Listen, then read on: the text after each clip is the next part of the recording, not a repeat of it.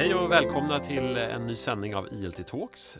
Jag som pratar idag heter Jakob Skogholm som vanligt. Med mig i studion idag har jag en ny gäst som heter George Johansson. Välkommen hit! Tack! Eh, folk som har läst dina böcker känner igen ditt namn, men eh, du är här av en speciell anledning och det är att dina böcker just är på väg in i Polyglutt och de handlar om en väldigt, väldigt känd karaktär som heter Mulle Meck. Ja.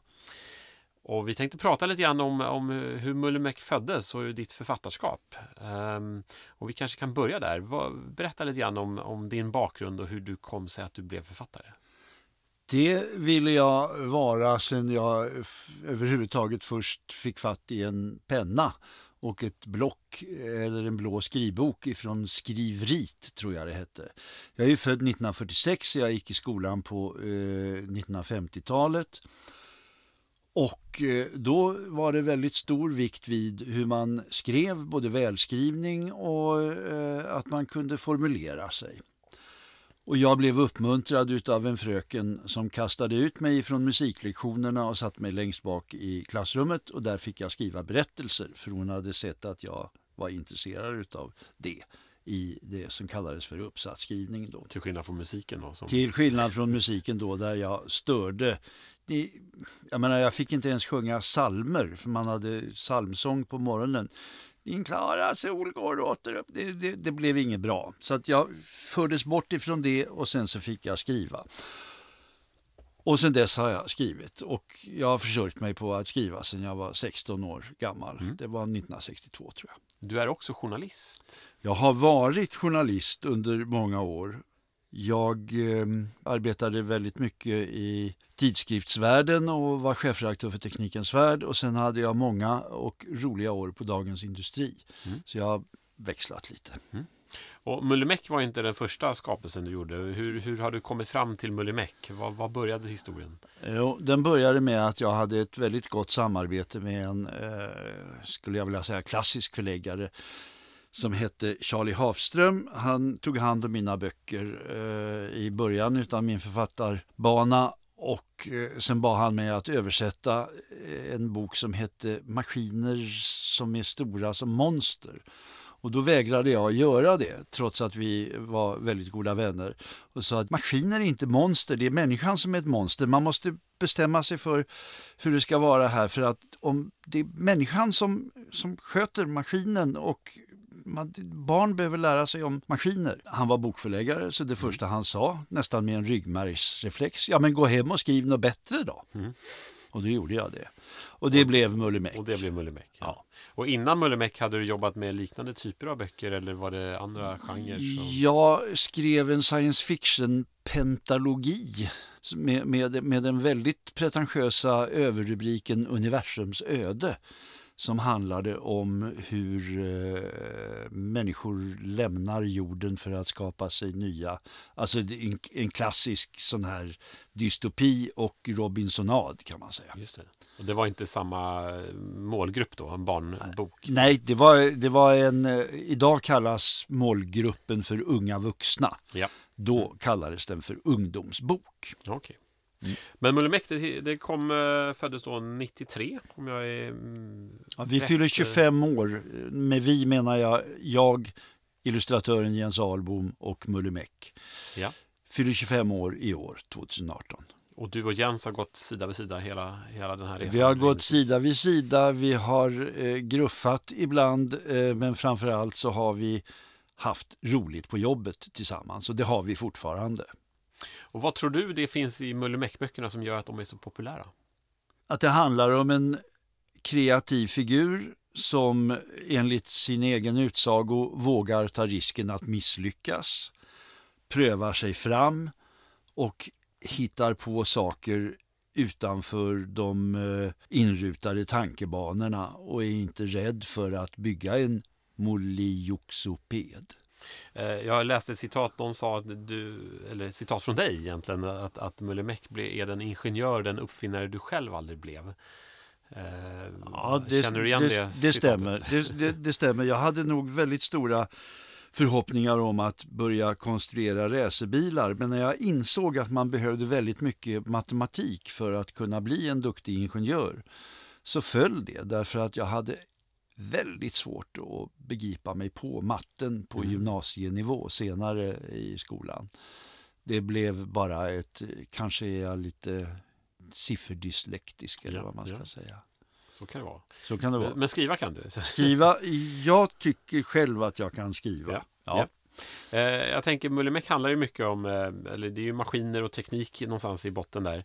Eh, hur ser du på det i den teknikutveckling som vi befinner oss i. Det blir mer datorer och paddor. Hur kan man få Mullimek att fortsätta vara relevant? Är det fortsatt relevant eller måste han börja jobba med programmering och, och telefoner? Ja, det är en rolig fråga tycker jag därför att Mullimeks värld i den by han bor i, Djupforsen, eh, som ligger någonstans i Sverige. Den är befolkad av mängder av kluriga figurer och där finns det en uh, ung dam som heter Doris Digital som bor i en husvagn och utvecklar datorer. Och han har också en uh, god vän i Daisy Diesel som arbetar med hållbar energiutveckling, uh, bland annat solceller, trots mm. sitt namn.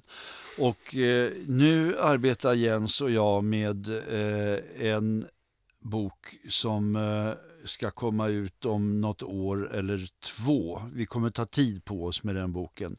Där vi belyser väldigt många av dagens teknikproblem men låter Mullemäck ge lösningar på åtminstone några stycken utav dem. Ja, och på så sätt är det Hänger ni med i tiden? Och är Vi hänger relevanta? med i tiden men Mullemäcks ursprungliga eh, teknikintresse det kan man liksom inte rubba på för att han är formad utav sin roll i teknikutvecklingen. Mm. Men han är inte rädd för att ta hjälp av andra som ja. till exempel Doris Digital. Ja, okay.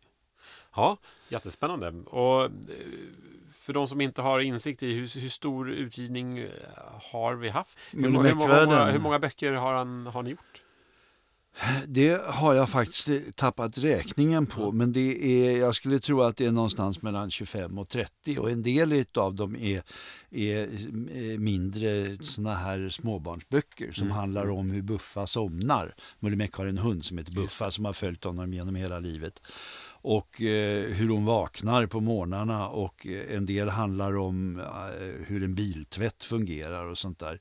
Jag skulle inte ja, alltså mera bagatellartade böcker. Ja, Men de som jag gärna vill se fortsätta att leva i i alla fall 25 år till. Mm. Det är de böckerna som är formade som en berättelse och i berättelsen så finns teknikkunskap. Men jag gör mitt bästa för att dölja teknikkunskapen så mycket som möjligt så att berättelsen får stå för upplevelsen. Ja. Så får man teknikkunskapen gratis utan att man tänker på det. Ja. Vilka åldrar, de lite mer avancerade böckerna med teknikkunskap som säger, vilka åldrar eh, tycker du de passar för? Jag tycker de passar, eh, alltså jag är ju själv 72 bast va? och jag gillar dem. Mm. eh, så att om man börjar med, alltså jag är ju barnslig, eh, om man börjar med man börjar med de böckerna för de mindre men, men jag tror att det är nog bäst om man är en fyra fem år och sen eh, tills man börjar läsa annat. Eller man, eh, alltså man överger väl en barnboksfigur och sen kan man komma tillbaka till den. Men, men eh, fyra, fem år, eh, sju, åtta, nio, tio beroende på hur läsvan man är och beroende på vad man har för för läsvanor i hemmet och, och, och sånt där. Men eh, vi, vi, vi, vi ser att eh, Myrlemek är väldigt populär i Ryssland. Där heter han Myllemek. Där är man kanske inte så läsvan men där är det nog 6 till 8-åringar mest som ja. läser de böcker som är översatta och det är snart sagt eh, alla berättelseböckerna. Ja, ja. Eh, och i Tyskland heter han Willy Werkel och det är nog ungefär samma åldersgrupp där. Men i Sverige så fanns det ju då, vi gjorde dataspel tillsammans Jens och jag. Eh, tre stycken, eh, eller fyra stycken om jag minns rätt. Och eh, jag skrev alla replikerna, Jens gjorde alla originalbilderna. Och där följde han nog mer längre upp i åldrarna och det här var i, i de pedagogiska dataspelens barndom. Just det. Ja. För det var det jag tänkte lite grann på. Har, har, har du sett det användas, de här böckerna, i mer undervisningssammanhang i skolan, liksom teknikundervisningen och så vidare? Ja, jag vet att verkstadsskolan hos Saab i Trollhättan, när, när man utbildar bilmekaniker under många år, när det kom in en ny klass, när terminen började, höstterminen började, de fick läsa Mullimek bygger en bil som Okej. det första arbetsuppgiften. Ja. Och eh, jag skulle nog vilja säga att Saabs bilar genom tiderna har varit bättre än den bilen som Mullimek byggde. Men det var en bra start. Ja.